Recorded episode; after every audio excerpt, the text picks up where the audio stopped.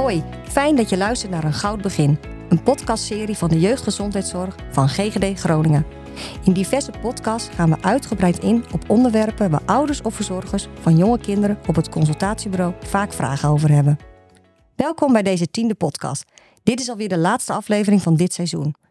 In deze podcast ben ik, Bertine Nijholt, moeder van drie kinderen, jullie host. Kinderen en eten. Nou, volgens mij heeft elke ouder daar wel vragen over. Want hoeveel melk hoort een baby te drinken? Wanneer start je dan met die eerste hapjes? En hoe ga je dan weer afbouwen met melk? Nou ja, en echt iedereen heeft hier echt adviezen over. Familie, vrienden of wie dan ook. Dus het is tijd om het te vragen aan de professionals. Nou, vandaag zijn onze gasten Amelia Zuidema, jeugdverpleegkundige bij eh, GGD Groningen, en Carmen Vermulst. Zij is eh, jeugdarts bij GGD Groningen. Nou, welkom. Dankjewel. Dankjewel. Amelia, jij hebt al vaker zeg maar hier aan tafel gezeten, maar dan uh, aan de kant van de, van de host. Dat en, klopt. Uh, vandaag uh, als expert. nou ja, jij weet genoeg te vertellen over, over voeding. Nou, daar heb ik dus ook al heb best wel wat vragen over. En mijn eerste vraag is dan ook, nou ja, herken je dat ook? Dat er veel vragen over voeding en kinderen zijn? Ja, zeker. De eerste maanden gaat het vooral over melkvoeding. En daarna natuurlijk over het starten van de hapjes. En vervolgens de combinatie van melk en vaste voeding. En melkvoeding kan borstvoeding zijn of flesvoeding. En in dit geval spreken we over uh, kunstvoeding als we het hebben over flesvoeding. Oké. En als je dan kijkt naar die eerste maanden, wat voor vragen krijgen jullie dan op een consultatiebureau? De vragen die we vaak krijgen zijn vragen over de hoeveelheid voeding. En de eerste dagen zien we na de geboorte dat de kraamzorg betrokken is, mm -hmm. um, dat die ouders helpt met de opstart. Um, maar ja, daarna staan ouders er toch een beetje alleen voor. Herkenbaar. Ja, en moeten ze het zelf gaan doen. Um, en wat we eigenlijk adviseren aan ouders over de hoeveelheid voeding, is dat ze kijken naar hun baby. He, je baby ja. hierin te volgen. En daar bedoelen we mee dat je kijkt naar wat je baby aangeeft. Um, heeft de baby bijvoorbeeld nog uh, dorst naar de fles of geeft hij nog mm -hmm. wat signalen? Dan zou je dus nog wat extra kunnen geven. Het lastige natuurlijk bij borstvoeding is, is nou ja, dat je niet weet hoeveel um, drinken een kindje krijgt. Nee. Maar bij kunstvoeding zou je dus toch altijd een beetje extra bijvoorbeeld uh, aan kunnen maken. En zie je precies ook hoeveel een kindje binnenkrijgt. En bijvoorbeeld uh, als je naar de fles merkt dat je kindje nog honger heeft, dan kun je nog een beetje extra maken. Um, en als je baby de fles niet leeg drinkt, nou, en je ziet dat de baby eigenlijk echt voldoende heeft gehad, dan is dat vaak ook zo. Wat wij dan wel, zeg maar, als uh, nou ja, ouders onderling natuurlijk wel eens bespreken, is dat je dan denkt, oh, kun je een baby niet overvoeden? Carmen, kun jij daar een antwoord op geven? Nou, het gebeurt eigenlijk niet zo snel, maar je kan een baby wel overvoeden. Oké. Okay. En dit kan je merken doordat een baby dan veel onrust vertoont na een voeding. Ja. Of als het bijvoorbeeld veel harder groeit dan je zou verwachten. Mm -hmm. En wat kan helpen om overvoeden te voorkomen, is om andere voedingshouding aan te nemen dan dat je eigenlijk standaard gewend bent. Mm -hmm. En wat dan die betere houding is, is om je baby wat meer rechtop te houden. Maar je moet wat meer zittend. Ja, ja, dus niet die typische liggende houding hè, die, waar je normaal de baby mee voedt, mm -hmm. maar echt letterlijk wat meer rechtop in je armen. En wat er dan gebeurt, is dat uh, de fles ook wat meer horizontaal uh, ligt. En je baby zal dan wat meer moeite moeten doen om melk uit het flesje te krijgen. En hierdoor kan je baby dus zelf aangeven wanneer hij vol zit of even pauze wil hebben. Oké, ja. En, en want jij zegt van, nou ja, als die vol zit, maar waaraan zie je dan dat een baby vol zit? Nou, signalen waar je aan kan herkennen dat je baby vol zit, is bijvoorbeeld het wegdraaien van het hoofdje. Of wanneer de melk uit de mondhoeken loopt. Of wanneer er bijvoorbeeld onrustige bewegingen worden gemaakt met de handjes. En ook een duidelijk teken dat je baby vol zit, is als hij niet meer gretig toehapt hè, naar de fles toe. Nou, wat eigenlijk een mooie tijd is uh, van het leegdrinken van de fles, is tussen de 20 en de 30 minuten. En als het veel langer duurt dan 30 minuten, dan zit je, dan zit je baby waarschijnlijk al vol. Ja. Of speelt er heel wat anders. Ja. En uh, wanneer de fles uh, al binnen 5 à 10 minuten wordt leeggedronken, dan kan het zijn dat bijvoorbeeld het speentje op de fles te groot is. Um, wat je dan kan doen is een kleine speentje uit te proberen. Dus een speentje met een kleine gaatje. Mm -hmm. En kijk dan of de voeding wat rustiger verloopt. Ja, tenminste dat herken ik wel. Dat ze dan wat gul zo beginnen te drinken. Dus dan zou een speentje zou dus... Uh, hè, dat je even kijkt van moeten ja. we die aanpassen? Ja, precies. Oké. Okay. Hartstikke mooi. Hey, en je krijgt natuurlijk dan die, uh, te zien van hoeveel een kindje ongeveer moet drinken. Maar is het dan de ene keer meer of minder? Of is het altijd een beetje hetzelfde? hoe zit dat? Nou, dat kan zeker heel erg verschillen. En nou ja, sterker nog, dat hebben we eh, de meeste baby's wel.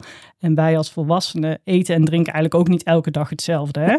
Daar heb je helemaal gelijk in, ja. ja. Ja, en je baby die is eigenlijk al geboren met een natuurlijk gevoel voor honger en verzadiging. Mhm. En dat betekent dus dat je baby heel goed zelf aanvoelt wanneer die vol zit. En eh, dus wanneer je de melk aanbiedt en je baby voelt op een gegeven moment van hé, hey, ik zit vol, dan zal het dus ook stoppen met drinken. Ja. En dat betekent dus ook dat het flesje helemaal niet leeg hoeft te zijn op zo'n moment. Oké. Oh, nou, dat is wel goed om, uh, om te weten. Hey, en kun je nog aan andere dingen zien of een baby genoeg gedronken heeft? Amelia, weet jij daar uh, wat meer van? Ja, zeker. Zolang een baby uh, goed groeit in gewicht, dus niet te weinig, maar ook weer niet te veel, dan kan je er ook van uitgaan dat een babytje wel genoeg voeding binnenkrijgt. En ook als je babytje voldoende plasluiers heeft, hè, dus nou, meer dan mm -hmm. zes of meer goede volle luiers, dan is er ook een teken dat het kindje uh, voldoende drinkt. En natuurlijk alertheid en uh, nou, helder en adequaat zijn. Oh, mooi. Hey, en op die verpakking hè, van kunstvoeding, daar staat heel vaak hoeveel een baby dan kan en mag uh, drinken. Um, kloppen die aantallen dan? Of moet je dan ook weer kijken naar je baby? Hoe, hoe zit dat? Wat moet je daarmee doen? Ja, nou op zich, uh, wat erop staat zijn rekensommetjes een beetje. Mm -hmm. dat, dat gaat eigenlijk altijd uit van het gemiddelde. Um, hè? En, en met kinderen is het zo, ja, het ene kindje is het andere kindje ook niet.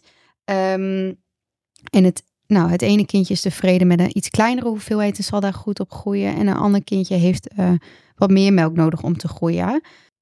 Nou ja, hè, de, de hoeveelheid die dus op de verpakking staat, die kun je aanhouden als leidraad. Maar het is dus gewoon belangrijk om naar je kindje te kijken, dat hij er tevreden op is en dat hij daar dus ook gewoon goed op groeit. Um, en, en als een kindje daar dus ietsjes boven of ietsjes onder dat gemiddelde zit, dan nou ja, is dat niet heel erg. Oké. Okay. Nou, ik vind het ook wel mooi dat je dat zegt. Kijk, weet er is natuurlijk geen enkele baby is natuurlijk hetzelfde. Ook bij de geboorte. De niet. ene wordt natuurlijk, eh, nou, Hollands welvaren geboren. en de ander gewoon eh, wat slanker. Ja, Dus er zal ook qua eten natuurlijk eh, verschil in zitten. zeker. Ja. Mooi, mooi. Hey, en hoe zit dat dan met borstvoeding? Nou, over borstvoeding hebben we een eh, aparte podcast gemaakt samen met een collega lactatie eh, jeugdpleegkundige. Ehm, en wanneer je borstvoeding geeft, kan, kan je ook het beste even luisteren naar die podcast. Eh, want daarin wordt van alles besproken over borstvoeding. Ja, dat is inderdaad een hele goede tip om die aflevering ook eens eh, te beluisteren als je vragen hebt over eh, nou, hoe het zit in de, in de borstvoedingsperiode. Nou, als je dan in de winkel ook gewoon komt, dan is er ook op het gebied van kunstvoeding echt heel veel keuze. Ehm, waar zou je dan als ouder eigenlijk mee moeten beginnen? Eigenlijk start je altijd eh, standaard met de nummer 1 voeding. En of dat nou van een A-merk is of van een huismerk, dat maakt niet zo heel veel uit. Oké, Eh, in Nederland is het zo dat alle zuigelingen voedingen ehm, eh, goed gekeurd moeten zijn. En mits er dan wel volledige zuigelingenvoeding op het pak staat. oké, dus daar moet je wel even op letten dat Ja. dat erop staat. Ja, maar of het dan een huismerk is of een A-merk, dat moet niet uitmaken. Nee. En vanaf zes maanden ga je dan over op een nummer twee eh, voeding. En vanaf één jaar kun je overstappen op halfvolle melk. En dan is het ook niet meer nodig om kunstvoeding te geven. En dan zou 300 milliliter zuivel eh, vanaf één jaar voldoende zijn. Oké, dat ze dat drinken gedurende de dag. zeg Ja, maar, ja meer, is, meer is gewoon niet nodig. Oké. Nee. Oké. Nou, en dan heb je dus ook nog wel heel veel verschillende soorten kunstvoeding. Eh, Carmen, kun jij daar dan iets meer over vertellen? Ja, ehm, bijvoorbeeld wanneer je baby last heeft van spugen, dan kan je voeding geven waar Johannesbrood pitmeel in zit. En Ah, deze heb je dan ook weer van verschillende merken. En Johannesbrood pitmeel zorgt er eigenlijk voor dat de voeding wat dikker wordt. Ehm, dat betekent niet dat het spugen helemaal stopt, hè, maar wel dat het wat minder vaak voorkomt. Eh, en eigenlijk, zolang je baby goed groeit, dan is spugen helemaal niet zo erg. Nou, ook kan het zijn dat er eh, heel wat anders speelt, bijvoorbeeld een allergie. Eh, wanneer je dit vermoedt als ouder, hè, bespreek het dan altijd even met de jeugdarts van een consultatiebureau. Die kan dan uitgebreid naar je baby kijken en je daarbij verder helpen. En ja, het is sowieso wel handig om even te overleggen met het consultatiebureau eh, wanneer je wisselt van voeding. Want misschien eh, speelt er iets anders, anders wat je als ouder eh, over het hoofd ziet. Dus neem gewoon laagdrempelig contact met ons op. Nou, dat is altijd heel fijn om te weten dat we natuurlijk gewoon contact met jullie kunnen, kunnen opnemen. Ja, Als we natuurlijk vragen hebben. Fijn. Maar ja, als ik het dus dan goed begrijp. Nee, zo heb ik het natuurlijk ook bij mijn eigen kinderen gedaan. Dus die eerste maanden geef je natuurlijk vooral melkvoeding. Maar er is nog wel eens wat discussie over. Ja, maar wanneer start je nou eigenlijk dan met groente en fruit? Ja, die eerste vier maanden heeft een baby eigenlijk alleen maar melkvoeding nodig. En ergens tussen de vier en die zes maanden kan je starten met wat groente en fruit. En dan Dus maakt het hoeft niet per se vier maanden te Nee. zijn of zes. Nee, nee, dat kan Oké. echt eh, vier maanden, vijf maanden, zes maanden, alles ertussenin is prima. Ja. En het is ook zo, hè, die, e- de ene baby die kijkt met vier maanden al het eten uit je mond en die is er dan echt al aan toe. Ja, Terwijl een andere baby nog niets moet hebben van een hapje. Dus hierbij is het ook weer belangrijk, kijk naar je baby waar hij of zij aan toe is. ja. En ehm, ja, in die periode tot zes maanden gaat het ook echt om kleine oefenhapjes. Eh, en daardoor went je baby eigenlijk aan andere smaken en structuren dan alleen die melk. Ehm, en de hoeveelheden zijn dan ook nog heel erg klein. Het gaat dan echt bijvoorbeeld om één à twee lepeltjes. Nou, het hoeft op zo'n moment ook echt nog niet de, de melk te vervangen. Oh nee, dus daar hoef je dus nog niet mee te beginnen met afbouwen. Het is echt van nou even uitproberen dus. Ja, en eigenlijk Ja. is ehm, melkvoeding tot acht maanden eh, het belangrijkste voor de groei van de baby. Eh, want hieruit halen ze de meeste voedingsstoffen. Zelfs wanneer je borstvoeding geeft en dit ook wilt blijven geven, dan is het ook nog wel belangrijk om te weten dat het beter voor je productie is om eerst melkvoeding te geven en daarna pas eh, fruit en groenten. Want anders kan eh, je productie dalen. Oh, dat vind ik wel een hele goede tip, ja. Dat je dus gewoon eh, eerst de melk dus aanbiedt en dan pas gaat oefenen met dat, met dat hapje. Ja. Oké. Hey, en als je dan, als je baby dan toe is aan het hapje, als je denkt van nou, ze kijken dus echt het eten uit je mond. Waar start je dan het beste mee? Nou, eigenlijk maakt dat niet zo heel veel uit. Maar als we er dan toch even over nadenken, dan eh, zou je kunnen starten bijvoorbeeld met een groentehapje. Hè, fruit is van zichzelf al wat zoeter, dus dat zal dan ook wat gemakkelijker voor een kindje zijn om te leren eten. Ehm, maar als je met een groentehapje start, dan zal je waarschijnlijk ook echt maar beginnen met een heel klein beetje. En dan, wat Carmen net al zei, daar hebben we het echt over een klein theelepeltje. Het kan ook best wel zo- zijn dat een kindje er weer eh, nou, uitduwt met het tongetje. Dus je denkt, wat is dit? Wat is dit? En dat is ook helemaal niet erg. Hè? Je babytje moet echt wennen aan een andere smaak. En de tong moet echt een andere structuur oefenen. En Ja. dat kan ook wel gepaard gaan echt met tientallen keren aanbieden. Ja. Ehm, dus dat is ook best wel Het is vaak. natuurlijk wel een andere techniek lijkt mij als ik dat dan zo als leek even... Ja, dat melk is natuurlijk lekker zalf, lekker Ja. zacht. En dan alle andere structuren is voor zo'n kindje gewoon eh, nou ja, iets wat echt geoefend moet worden. Ja. Ehm, nou, je kan bijvoorbeeld eerst een prakje van worteltjes of pompoen maken. Maar ook het starten met doperwtje, boontje of broccoli. Dat zijn hele mooie groentes om mee te starten. Hey, en, ga ik die dan ook mixen? Of is het gewoon dat ik die wel een beetje apart moet aanbieden? Wat is dan wijsheid Ja, dat is- daarin? Goeie vraag. Ehm, in het begin adviseren we vaak om ehm, losse smaken aan te bieden. Dat is echt voor de smaaksensatie. Zodat ze ook echt leren eh, hoe een wortel smaakt of hoe een pompoen smaakt. Ja. Ehm, kijk, en als dat op een gegeven moment goed gaat, dan kan je het, dan kan je het natuurlijk gaan mengen. Mhm. Hè? Dus bijvoorbeeld ook met een beetje aardappel of zo, of wat rijst, pasta, vlees of vis. Nou, kan je allemaal dan geven. Eh, belangrijk is natuurlijk wel dat het eh, vis en vlees eh, goed doorbakken is. Oké. En ehm, ja, dan wil je dat als ouder natuurlijk helemaal, helemaal goed doen.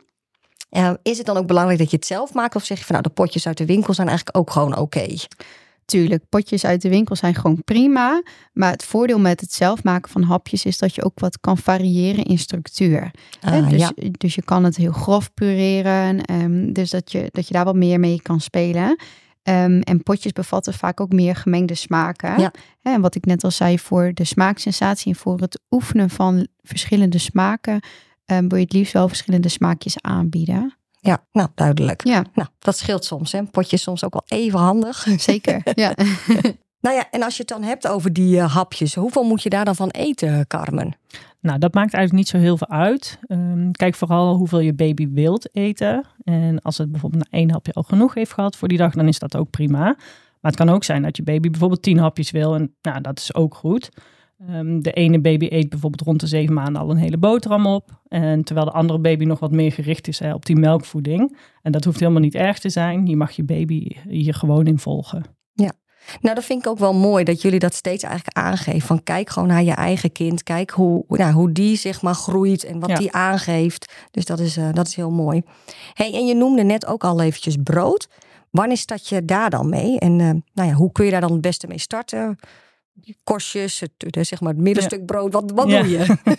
Nou, rond de zes à zeven maanden kan je starten met brood. En het kan dan in het begin helpen om wat ouder brood te geven. eh, zodat het niet zo snel gaat plakken in de mond. Want zo'n verse boterham, ja, daar gaat nou Ja. overal aan zitten. En dat is eh, dan lastig door te slikken. En als je kleine blokjes brood van bijvoorbeeld 1 bij 1 centimeter geeft... dan kan er ook eigenlijk niet zo heel veel misgaan. Ehm, ja, of je geeft een broodkostje in de hand, dat kan ook prima. Ehm, in, in het begin start je wel met bruin brood zonder pitten en zaden. En later als dat goed gaat met het brood eten, dan kan je ook volkoren brood geven.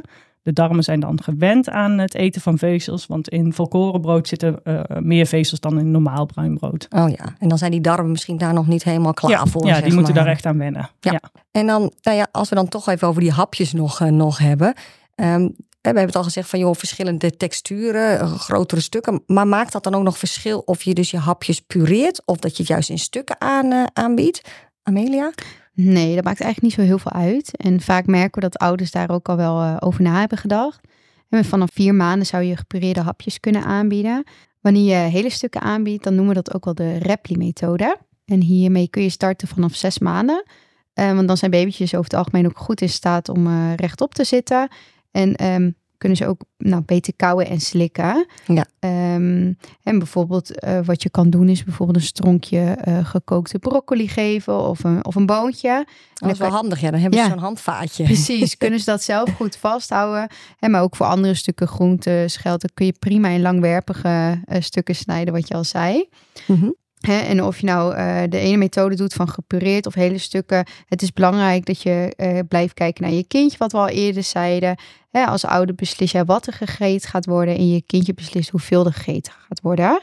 En uh, zo leert je kindje dus ook al vanaf jongs af aan te luisteren naar een verzadigingsgevoel. dus ook vol is vol. Ja, nou, die vind ik zelf ook al, die gebruiken wij thuis ook. Hè? Ik bepaal uh, wat er gegeten ja, wordt. Ja. en je mag zelf bepalen hoeveel je ervan Precies, eet. ja, ja. dat is een mooie. En uh, je hebt het over die Repli-methode en Ja. natuurlijk gepureerd. Kun je dat ook door elkaar gebruiken? Zeker, ja hoor. En het kan ook best zo zijn dat je thuis bijvoorbeeld de Repli-methode gebruikt, maar dat er op de kinderopvang of bij opa en oma uh, gepureerde voeding gegeven wordt. En dat is helemaal prima om te combineren. Daarnaast is het belangrijk om op een gegeven moment sowieso wat stukjes te gaan aanbieden. En wat je bijvoorbeeld uh, dan kan doen is een peer of iets anders te raspen, zodat je baby ook wendt aan de structuren. Um, dit zou je vanaf zes of zeven uh, maanden al kunnen aanbieden. En zo ga je uiteindelijk steeds meer de stukjes groter maken, zodat je kindje nou, uiteindelijk gewoon met de pot mee kan eten. Ja. He, en als je kindje ook zelf het eten laat voelen of vastpakken, dan leert het op die manier ook de structuur van zijn eten kennen. Um, nou ja, en let er natuurlijk wel op dat het eerste jaar geen uh, zout wordt toegevoegd aan het eten. Um, maar je zou ook het eten uh, ja, een vaardigheid wel kunnen noemen. Want het is dus echt iets wat ze moeten leren en wat die tong ook echt moet oefenen. Hey, en op welk moment van de dag uh, bied je dan die hapjes aan? Ja, dat is een goede vraag. Uh, het is slim om het aan te bieden tussen twee voedingen in. Want je kindje moet niet te hongerig zijn. Uh, nou, want dan zal het niet goed lukken. Maar je babytje moet ook al niet te vol zitten. Hè? Dus net aan melkvoeding. Dan heeft hij niet echt honger meer. Um, dus het slimste is het te doen als je baby al wel weer wat zin heeft om te eten. Maar nog niet zoveel honger heeft dat, het, dat je het op een huilen zet. Dus echt een beetje tussen de voedingen door. Dus uh, dat het Ja. gewoon, nou ja, mooi. Precies. Ja. hey, en dan um, gaat die baby dus op een gegeven moment natuurlijk ook meer hapjes eten. Dan zal er waarschijnlijk toch echt wel minder melk gedronken gaan worden. Want ja, dat maagje, dat raakt natuurlijk, die maag raakt natuurlijk vol. Ja. Um, hoe bouw je dan die melkvoeding af? Stel je baby is vijf maanden, dan zou je bijvoorbeeld vijf keer 180 milliliter flessen kunnen geven. En Ja. uh, vroeger was men wel heel strikt, hè, dat dat niet meer dan 1 liter kunstvoeding uh, mocht zijn. Maar daar zijn ze nu wel wat op teruggekomen. Um, hè, dus als je net wat over die 1 liter heen zit, is dat ook niet heel erg. Dat betekent natuurlijk niet dat het 2 liter moet zijn. Nee, een beetje eroverheen. Een beetje is niet erover. erg. Nee, dat is niet erg. Um, en zodra je de hapjes start, um, nou, vult dat in het begin nog helemaal niet zo heel erg. Maar als je de hapjes langzaam aan het uitbreiden bent, dan zullen die steeds meer in plaats van de flessen komen. Ja. En richting de acht maanden ben je de hapjes zo aan het uitbreiden dat je aan het toewerken bent naar een volledige maaltijd. Ja, Uh, en wanneer je bent toegewerkt naar een volledige maaltijd, dan kan de flesvoeding ook weer afgebouwd worden. Dus um, nou, bijvoorbeeld met vijf maanden heb je vijf flessen. En met acht maanden uh, ben je zo aan het uitbreiden geweest dat er nog uh, nou, drie flessen over zijn. Ja. Uh, maar ook hiermee geldt weer, het verschilt per kind. Het ene kind is het andere kind niet.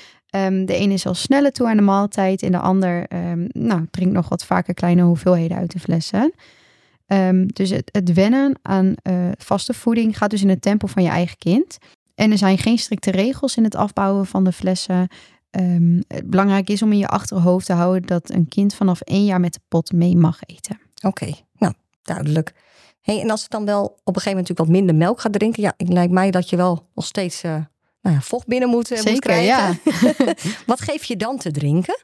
Nou, dat zou gewoon water of lauwe thee eh, kunnen zijn zonder suiker. Oké. Tegenwoordig horen we ook veel over pinda en ei. Dat je daar toch wel wat eerder mee moet gaan beginnen. Eh, Carmen, hoe zit dat nu precies? Ja, nou, pinda en ei zijn eh, voedingsmiddelen die vaak allergieën kunnen geven. En vroeger was het zo dat dit juist niet eh, gegeven moest worden aan baby's onder de 1 jaar. Nee? Maar uit onderzoek blijkt dat dit juist goed is om juist vroeg mee te beginnen. Oké. Om allergieën te voorkomen. En het advies is om in ieder geval te starten voor de acht maanden. En eh, je kan hier bijvoorbeeld mee starten als je baby al een aantal happen van fruit en groente eh, eet. En om pinda te introduceren kan je het beste 100% pindakaas geven, omdat hier geen zout is aan toegevoegd. Ja. En dit doe je dan bijvoorbeeld door een halve theelepel, door eh, nou ja, een bananenfruithapje te doen. En wanneer dit goed gaat, kan je op een gegeven moment langzaam gaan uitbreiden. En als je kindje ook goed brood eet, dan kan je ook gewoon een gesmeerde boterham met pindakaas geven. Ja. En het eerste jaar is het belangrijk om in ieder geval minimaal één keer per week een boterham met pindakaas eh, aan te bieden. Ja. En nou ja, met ei kan je eigenlijk hetzelfde doen, maar dan met een eh, goed doorkookt of een goed doorbakken ei. En dit kan je dan bijvoorbeeld in kleine stukjes doen en dan ehm, nou ja, door de groentehap eh, te doen. En op die manier kan je dat ook ste- steeds verder uitbreiden. En hierbij is het ook belangrijk om in ieder geval één keer per week een half ei te geven om die allergieën te voorkomen. Ah, Oké. Dus echt, je start gewoon voor die acht maanden met zowel pindakaas eh, of nou, pinda's eh, en ei. Ja. En eh, je wilt dan zeg maar eh, nou, dat in ieder geval minimaal één keer per week gegeten wordt. Ja, Om het te precies. voorkomen. Nou, dat is wel interessant, want dat is zeker iets wat veranderd is. Ja. Want bij mijn eerste was dat zeg maar nog absoluut niet. En Nee. nu bij de laatste ja, Nee, dat moet is het sinds ineens een wel. eh. aantal jaren inderdaad zo, Ja. klopt. Nou, mooi om te weten. Hey, en moet dit dan via een vast schema? Nee, dat is eigenlijk niet nodig. Eh, maar dat kan natuurlijk wel als je dat, eh, dat graag zou willen, om het in stapjes te geven.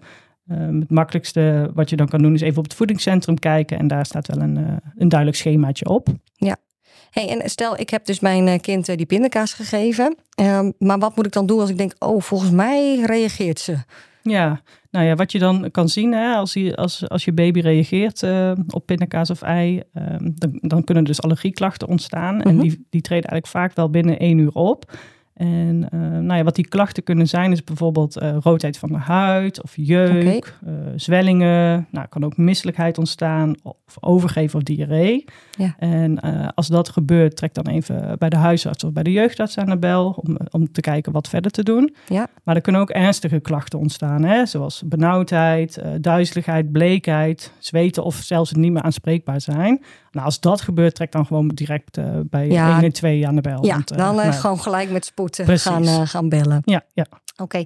Hey, en zijn er nou nog, ook nog redenen dat je sowieso voorzichtiger moet zijn met ei en eh, pindakaas bij bepaalde kinderen of zo? Ja, ja, bijvoorbeeld wanneer je als ouder zelf een pinda- of een eiallergie hebt, of als een van je kinderen dat heeft, Mhm. eh, dan is het goed om voorzichtig te starten. Eh, overleg dan altijd even met de jeugdarts van het consultatiebureau van hè, hoe kan je het beste starten met eh pindakaas en ei. Ja. Ehm, want er is een, eh, een speciaal introductieschema met een stappenplan wanneer er dus een verhoogde kans is op een allergie. Oké, dus dan kun je wel het, het aanbieden, alleen dan eventjes op een andere, wat voorzichtigere manier. Ja, en dan is het wel slim om even te overleggen dus met de jeugdarts. Want het kan ook zo zijn dat de jeugdarts denkt van... hé, hey, nou die kans dat er een allergie optreedt is echt wel groter. Mhm. En dan kan de jeugdarts je eh, verwijzen naar de kinderarts. En de kinderarts kan dan op die allergie testen door bijvoorbeeld een huidpriktest. Of ehm, ja, die kan die introductie van pinda en ei in het ziekenhuis laten plaatsvinden. Ah, ja. Oh, dat is fijn Ja. om te weten. Ja, en Ja. ook als je kind bijvoorbeeld ernstig eczeem heeft, hè, dus echt die flinke eczeem over de hele huid en Mhm. eh, waarbij ook hormoonzalf wordt gebruikt, dan is de kans groter dat er een allergische reactie eh, op, op pindakaas of ei kan optreden. Ja. En hierbij eh, zal de jeugdarts je dan ook verwijzen naar de kinderarts. En het kan ook zijn dat je kind bijvoorbeeld wat lichte eczeem heeft. Hè? Gewoon wat, wat kleine plekjes die je bijvoorbeeld met een vette zalf behandelt. Of, Ja. ehm, nou ja, maar daarbij is het juist heel belangrijk om op tijd te starten met eh, pindakaas en ei. Omdat die kans gewoon iets wat groter is dat er eventueel een allergie kan ontstaan. Oké. En als je op tijd start, dan voorkom je dat eigenlijk. Ja, dus eigenlijk zeg je, je moet gewoon op tijd starten. En juist bij kinderen met licht eczeem moet je helemaal... eh, Precies. dat, en eh, eh, als, je, nou ja, als je denkt van nee, ik weet niet precies wat ik nou moet doen, vraag het dan gewoon altijd even bij het consultatiebureau. Die help Ja. je dan verder. dat is heel fijn dat jullie daar gewoon voor zijn. Nou, je geeft dus aan dat bij eczeem het helemaal belangrijk is om daar vroeg mee te beginnen. Ehm, kun je dat nog even verduidelijken? Ja, kijk, bij, bij eczeem is de huid open. Hè? En eh, ehm, als de pindakaas dan via de huid binnenkomt, dan is die kans op een allergie groter dan wanneer de eerste aanraking met pindakaas via de, ja, de mond, via de darmen is. Oh ja, want ik, wat je dus bedoelt is eigenlijk dus als kinderen pindakaas een broertje of zusje aan de handen hebben en die smeert eventjes wat eh, zeg maar aan zijn broertje of zusje af, ja, dan kan het zo via die huid binnenkomen. Precies, ja. Ah, kijk. Ja, en soms hoor je ook wel ouders van, uh, nou ja, dat, er, dat, dat de huid wat open is rond de mond bijvoorbeeld. Hè? Mm Hoe kan je dat dan het beste toch geven. Ja, smeer dan gewoon even wat vaseline rondom de mond. Zodat die huid beschermd is. En dan, uh, nou ja, dan kan je die eerste pindakaas of ei gewoon via de mond binnen laten komen. En dan is die kans op een allergie dus kleiner. Ah, Oké, okay. oké, duidelijk. Hey um, Amelia, heb jij misschien nog tips voor ouders wanneer het niet zo gemakkelijk met, met eten gaat? Nou ja, want uh, ik heb er ook eentje thuis zitten. Zo'n heerlijke peuter van anderhalf. nou ja, die, uh, die begint ineens van... nee, ik wil het eten niet. Ja. um, nou ja, kun jij daar eventjes wat meer over vertellen? Heb jij tips voor mij? Voor ouders met kinderen in de leeftijd waarin het uh, wat moeizamer gaat, is het denk ik goed om te beseffen dat dit wel heel normaal gedrag is. En dat jouw kind niet de enige is die dit uh, gedrag vertoont. Dus dat is altijd fijn dat je niet ja, enig bent. Zeker, ja. En zowel voor ouder als kind is het uh, niet fijn als er een strijd is aan tafel. Nee. Um, en wat je een beetje als basisregel hierin kan houden, is jij als ouder bepaalt wat er op tafel komt, maar je kind bepaalt hoeveel hij of zij op dat moment eet. Um, en dit gaat ook weer in lijn door met wat we al zeiden, dat kinderen geboren worden met een natuurlijk gevoel voor honger en verzadiging.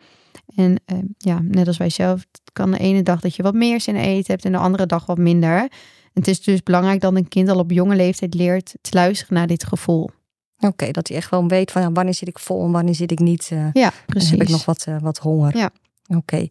Hey, en heb je dan nog andere tips om het leuk te houden aan tafel? Ik denk dat we daar nog wel een hele podcast over kunnen Vind vullen. ik een heel goed idee. Vind ik echt een heel goed idee. Maar een aantal dingen uh, die ik nog wel mee zou kunnen geven... is bijvoorbeeld het leuk aankleden van het bord. Uh, je zou dus bijvoorbeeld uh, een, een, gezichtje kunnen maken van het eten... wat je op dat moment aanbiedt. Um, ook kan het helpen om een leuke lepel of een vork te gebruiken. Een kind kan bijvoorbeeld even een sticker op een vork mogen plakken... dat het echt zijn of haar vork ook is. Ja. Dus dat je er echt even ook bij betrekt op Precies, die manier. Ja. ja. En qua betrekken kan je natuurlijk ook uh, je kind mee laten helpen in de keuken met um, nou, uh, koken, uh, kind keuzes laten maken. Eten we broccoli of eten we boontjes? Ja. En dan voelen kinderen zich ook wat meer betrokken. Um, en stel kinderen helpen mee in de keuken, dan is de stap om te proeven ook wat kleiner. Dus ja. meestal ook tijdens het koken dat we zeggen, nou, als er wat uh, is wat al geproefd kan worden, of een boontje wat al gaar is, van dan proef maar even of die al gaar is. Ja. Um, nou, dan, dan voelen kinderen zich ook wat meer betrokken. En, en, en de keuze om uh, broccoli of boontjes geeft kinderen ook een goed gevoel dat ze ook mee mogen kiezen. Ja. Um, en het belangrijkste is om niets te forceren. Nee, oké. Okay. Dus je zegt gewoon echt eventjes betrek ze erbij. Precies, ja. En uh, um, zo gauw ze zeg maar gewoon ook mee mogen doen, dan zijn ze ook eerder geneigd om er zelf gewoon van te gaan eten. Zo van, ja. joh, dit heb ik zelf gemaakt. Precies, of, uh, is die ja. stap ook wat kleiner. Ja, nou ja. Ach, volgens mij het aloude van uh, brrr, hier komt de helikopter aan. Ja. ja, dat is wel de bekendste.